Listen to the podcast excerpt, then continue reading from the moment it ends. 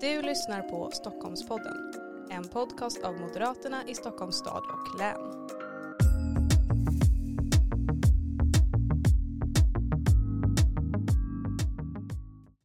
Hej och välkommen till veckans avsnitt av Stockholmpodden. Med mig idag har jag Andrea Hedin, oppositionsborgarråd i Stockholms stad och ansvarig för skolfrågor. Välkommen hit. Och eh, så här lagom till skolstart, då ska vi som sagt prata skola idag. Och jag har hört ett litet rykte om att Moderaterna har bytt fot i frågan om två lärarsystem, vilket betyder att man ska ha två lärare i varje klass. Stämmer det? Ja men det, det stämmer. Vi hade ju det faktiskt som ett av våra vallöften att vi skulle ha två lärare i varje klassrum och det är inte på något sätt en, en dålig idé men vi ska inte vara inne från politiken och detaljstyra på det sättet utan det måste få vara upp till varje skola och situationen just i det klassrummet. För det kan vara så att eh, i en klass så passar det bäst med två lärare och de lärarna jobbar jättebra ihop. Men i en annan skola så kanske det är bättre med en mindre klass, en lärare men en mindre elevgrupp. Och på en tredje skola så kanske det är bättre med tre lärare på två klasser. Så det är inte en fråga för politiken, det är en fråga för skolorna. Det låter ganska klassiskt moderat. Back to basic. Fantastiskt. Hur upplevde du din egen skolgång? Men jag trivdes i, eh, i skolan, gjorde jag. Jag tyckte nog att högstadiet, det var några tuffa år. Det var mycket tankar och funderingar. Vad ska man göra i livet och olika känslor. Men jag hade en fantastisk eh, svenska lärare, Sandra. Hon var en sån lärare som man vill att alla elever verkligen ska få ha. Som alltid tog sig tid. När hon mötte en i korridoren så hann hon eh, stanna en fråga, hur är det idag? Såg man lite ledsen eller låg ut så sa hon alltid, vet du vad Andrea, ska vi inte ta en liten promenad på lunchrasten? Och så gick vi en liten stund, en kvart, 20 minuter och så fick man bubbla av sig sina tankar och sen kunde man gå tillbaka och hänga med sina vänner och ta nästa lektion. Den tiden vill ju jag att alla lärare ska känna att de har, att se varje elev och som elev också få ha det förtroendet för sin lärare. Mm, men absolut. Hur ska vi jobba för att lärare ska få den tiden och verkligen vara lärare och finnas där för eleverna? Det är ett jätteansvar som vi politiker har både på nationell och lokal nivå. För att det finns ju en tendens att politiker vill väl men ibland är lite lata och bekväma så att så fort man vill nå unga i något sammanhang så styr man det uppdraget till skolan och det landar på lärare och rektorer. Jag tror att skolan behöver vara en plats där olika aktörer kan verka. Det kan handla om socialtjänst, föreningsliv, eh, kultur, polis och så vidare. Men inte att det är skolan som ska ta ansvaret för alla de delarna. För att då riskerar vi att kunskapsuppdraget, det blir det som urvattnas. Lärare och rektorer måste ha tid för att elever lär sig. För det kan ingen annan kliva in och, och göra. Om jag tänker tillbaka på de politiska sammanträden jag har suttit på under årens lopp så har jag suttit på rätt många möten där vi har lagt till saker, att det här kan, vi, kan skolan eh, ordna. Jag tror inte jag har suttit på ett enda möte där vi har plockat bort någonting. Och det tror jag, jag vet att ehm, skolministern Lotta Edholm nu lägger ett uppdrag nationellt att faktiskt rensa bort saker som skolan och just läraren i klassrummet inte behöver göra. Och jag tycker att vi ska göra exakt samma sak i Stockholms stad. Lång lista på vad är det vi kan plocka bort så att läraren får vara lärare. Mm. Jo men det är ju verkligen prioriterat för annars så blir det ju som du säger att man tar bort det som ändå är huvudsyftet med skolan. Mm. Sen är ju skolan ett bra ställe att nå elever. Mm. Men det måste ju betyda fortfarande att man ändå fokuserar på kärnuppgifterna. Ja men exakt så och vi är ju väldigt glada i rapportering generellt. Det ligger otroligt mycket administration på den enskilda rektorn att rapportera till Skolverket, Skolinspektionen, kommunen, alla ska ha in olika typer av underlag, olika siffror och det viktigaste måste ju ändå vara att få tiden att som rektor vara en bra chef och ledare för dina lärare och att de trivs och samma sak för läraren att hinna vara i klassrummet och vara med eleven. Rapporteringen måste komma i andra hand. Ja men verkligen så. Vilket var ditt favoritämne i skolan? Ja, men det pendlade lite. Jag, eh, de första åren så var matematik det roligaste. Jag läste naturvetenskap, sen naturvetenskapligt program på gymnasiet och då började matten bli väldigt svår så att då dalade den lite grann. Så att sen var det svenska och samhällsvetenskap som var de absolut roligaste. Men det handlar så mycket om lärare också. Eh, jag hade inte en engelska lärare som jag klickade med vilket gjorde att jag tyckte inte engelska var speciellt roligt och jag tror egentligen att hade jag haft en annan lärare hade jag nog haft en annan inställning.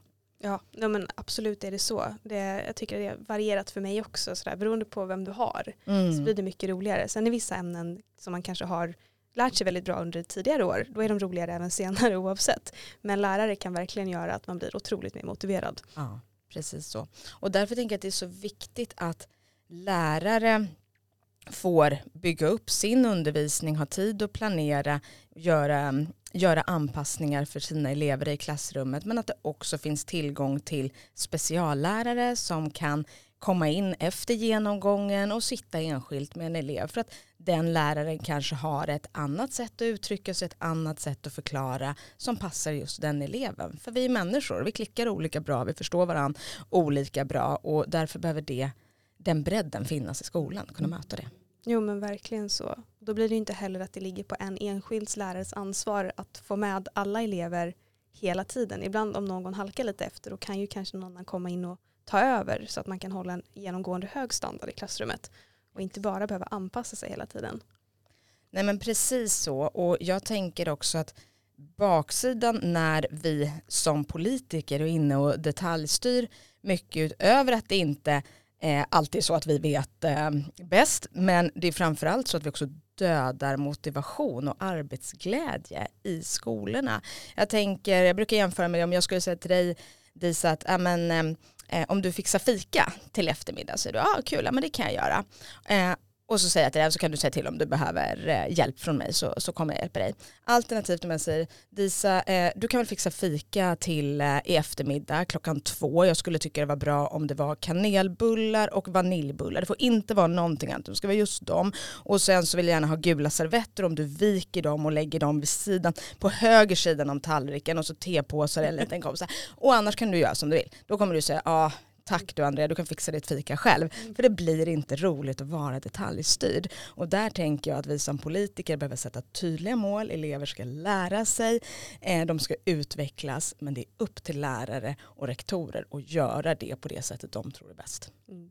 Det låter otroligt klokt och moderat med mindre byråkrati. Mm. Har du alltid varit intresserad av skolpolitiken?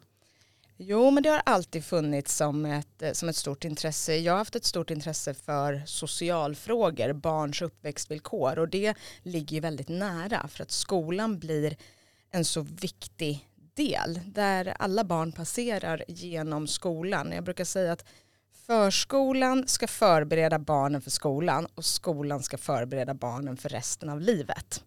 Och det gör ju att om om man aspirerar på, som Moderaterna, att vara ett statsbärande och ett stadsbärande parti, då måste vi ha svar på hur vi vill utveckla skolan för att vara trovärdiga och för att rusta barn inför, eh, inför framtiden. Både för vidare utbildning och för arbetsmarknad. Så ja, jag har alltid tyckt att skolfrågorna är viktiga och jag är så otroligt glad att Moderaterna nu har skolfrågorna efter närmare 25 år i Stockholms stad. För det har alltid varit jag tänkte säga något annat parti, men två andra partier. Det var Socialdemokraterna eller Liberalerna, majoritet och opposition. Och jag tror att oavsett vilken fråga det är så behöver man rotera mellan partierna. Så att min viktigaste uppgift nu det är att bygga en stark moderat lokal skolpolitik som synkar med vår nationella politik. Mm. Och vi är ju tväropposition här i staden. Eh, men innan så träffade du skolministern. Mm. Hur kan du som politiker i Stockholm påverka regeringens arbete? Jo men när, när både hon och jag var nya i våra, våra roller så eh, ringde jag upp lite, lite kaxigt. Alltså det är klart att du måste träffa mig nu eh, Lotta. Och Lotta Edholm är ju från Stockholms stad vilket jag tycker är väldigt tryggt. Hon vet ju och har varit skolpolitiker länge. Så att eh, jag är helt övertygad om att den skolpolitik som drivs nationellt kommer vara bra för Stockholm. Men jag var väldigt tydlig med att inte detaljstyra. Lika lite som vi på kommunal nivå ska detaljstyra vårt led så får inte regeringen detaljstyra kommunerna utan demografin ser olika ut i olika kommuner vilket innebär att det är olika lokala förutsättningar beroende på eh, socioekonomi, hur många nyanlända som har kommit och så vidare. Så att vi måste ha det handlingsutrymmet som kommun. Och eh, jag sa till Lotta också att om ni gör olika saker, exempelvis ska ju regeringen se över skolpengen, ja men jobba med en lägsta nivå för att få en jämlikhet snarare än exakt summa. Det är ett sådant exempel. Så att regeringen kan göra mycket för att skapa likvärdighet mellan kommunerna men utan att detaljstyra. Mm. Och hon lyssnade. Eh, vi är rätt överens. Fantastiskt, då ser vi ännu mer Stockholmspolitik i nationella politiken framöver. Jag hoppas det. Det får ja. bli en ny kaffe här med henne till våren. ja men det är precis, hålla henne uppdaterad och varm. Exakt så. Eh, under våren här så har det hänt väldigt mycket i Stockholm och skolpolitiken. Mm. där flera lärare och föräldrar demonstrerade utanför stadshuset för att de gick på knäna. Mm. Vad är det egentligen som hänt? Ja, skol, skolfrågan fick ju verkligen oväntat eh, mycket uppmärksamhet på kort tid och det började med eh, att det kom många mejl från eh, lärare och föräldrar till mig och andra politiker och de var oroliga. Vi lyssnade på det och ville verkligen fördjupa och förstå var kommer den här oron ifrån? Varför går inte ekonomin ihop? Och det är två delar. Det ena är eh, den akuta situationen och den situation vi har haft i vår omvärld med eh, stigande priser, ökad infl inflation som påverkar välfärden och gör det dyrare att bedriva samma verksamhet som vi har haft innan. Den andra delen som inte har kommit fram lika mycket i eh, debatten det är att Stockholm har ett vikande elev elevunderlag. Alltså det blir färre och färre elever nu för varje år i ungefär tio års tid innan det sen kommer öka. Och det innebär ju att vi får in mindre skolpeng och vi kommer ha färre, eh, färre elever i klassrummet och, men hyran är lika dyr, läraren är lika dyr, så vi får in mindre pengar och det är en jätteutmaning. Och det är därför det blir så viktigt att vi jobbar med Stockholms attraktivitet, att människor vill flytta hit, att barnfamiljer stannar i Stockholm. Men som sagt, just nu viker det så att eh, vi har sämre ekonomiska förutsättningar samtidigt som allt blir dyrare. Mm. Och det vi gjorde från majoriteten Nej, du ser, jag är kvar i... Helt rätt. Ja, man måste ha den mentala inställningen tror jag.